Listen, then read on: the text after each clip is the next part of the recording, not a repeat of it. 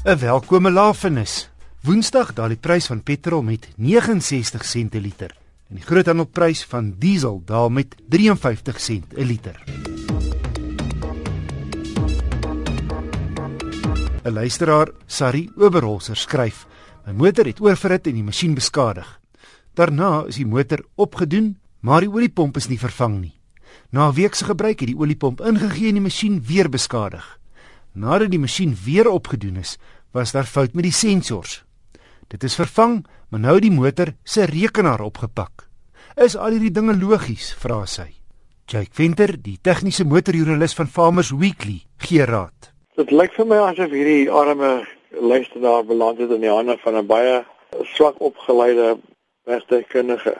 Want in die eerste plek sê sy die motor het oorverhit en toe is die masjien beskadig. En as so iets gebeur, dan sal 'n mens gewoonlik al die ander komponente beskou want wat gewoonlik gebeur as die enjin oorverhit is dat die seiers kom vas en dan kom daar deeltjies metaal uit wat deur die hele enjin versprei word. So die enjin moet totaal uitmekaar gemaak word en dan skoon gemaak word en een van die komponente waarna jy sal kyk is die oliepomp.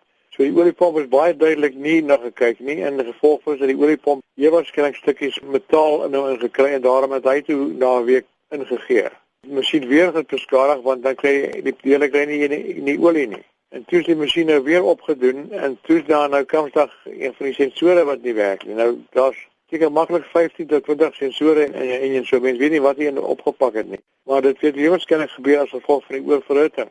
Sensore is gewoonlik gevoelig vir ekstra temperatuur. Nou sê die luisteraar dat die rekenaar ook opgepak is, ook 'n ding wat hier waarskynlik gebeur as gevolg van die oorverhitting. Miskien het mekeer hy niks nie. Mens weet nie, mens kan niks vertrou wat hierdie man vir haar gesê het nie. So Jake, die les wat 'n mens hieruit moet leer is om maar by voorbaat 'n bietjie meer te betaal en na 'n goeie ja. motorwerktuigkundige toe te gaan met 'n goeie naam. En ook as jy wel na 'n werksmiddel toe gaan het en jy skep probleme, dan moet jy baie duidelik begin dink, miskien moet jy 'n ander persoon gebruik die tweede keer. Jy weet dieselfde persoon nie. Jake, uh, net 'n ander saak, baie mense vertrek binne die volgende week of 3 met vakansie en mense gaan verder ry en swaarder gelaai wees as waarskynlik enige ander tyd van die jaar. Kom ons kyk net kortliks na hoe mens jou voertuig moet voorberei. Wel, die eerste ding is hy moet 'n 15000 km diens kry, dan word hy vas olie en vas filters, lug en olie filters. Tweedens moet mense die die vertikale gevra om te kyk na die toestand van byvoorbeeld jou waterpype tussen die verkoeler en die enjin want dit is ook 'n ding wat ek was oppak op 'n lang pad as die pype raak oud dis rubber of kunstrubber en na so 5 6 jaar kan dit enige tyd besluit om nie meer water te hou nie.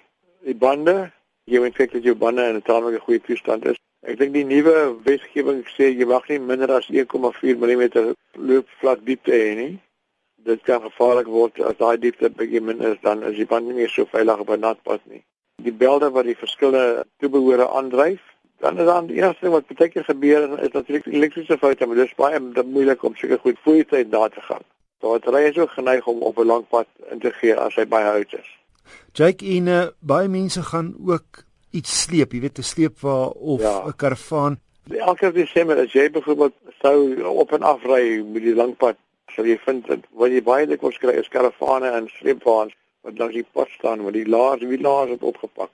Want die wielaar het die heel jaar gestaan op een plek in die warm son en daai bietjie grease wat daarin is in die wielaar, almal onder gaan lê en hard geword.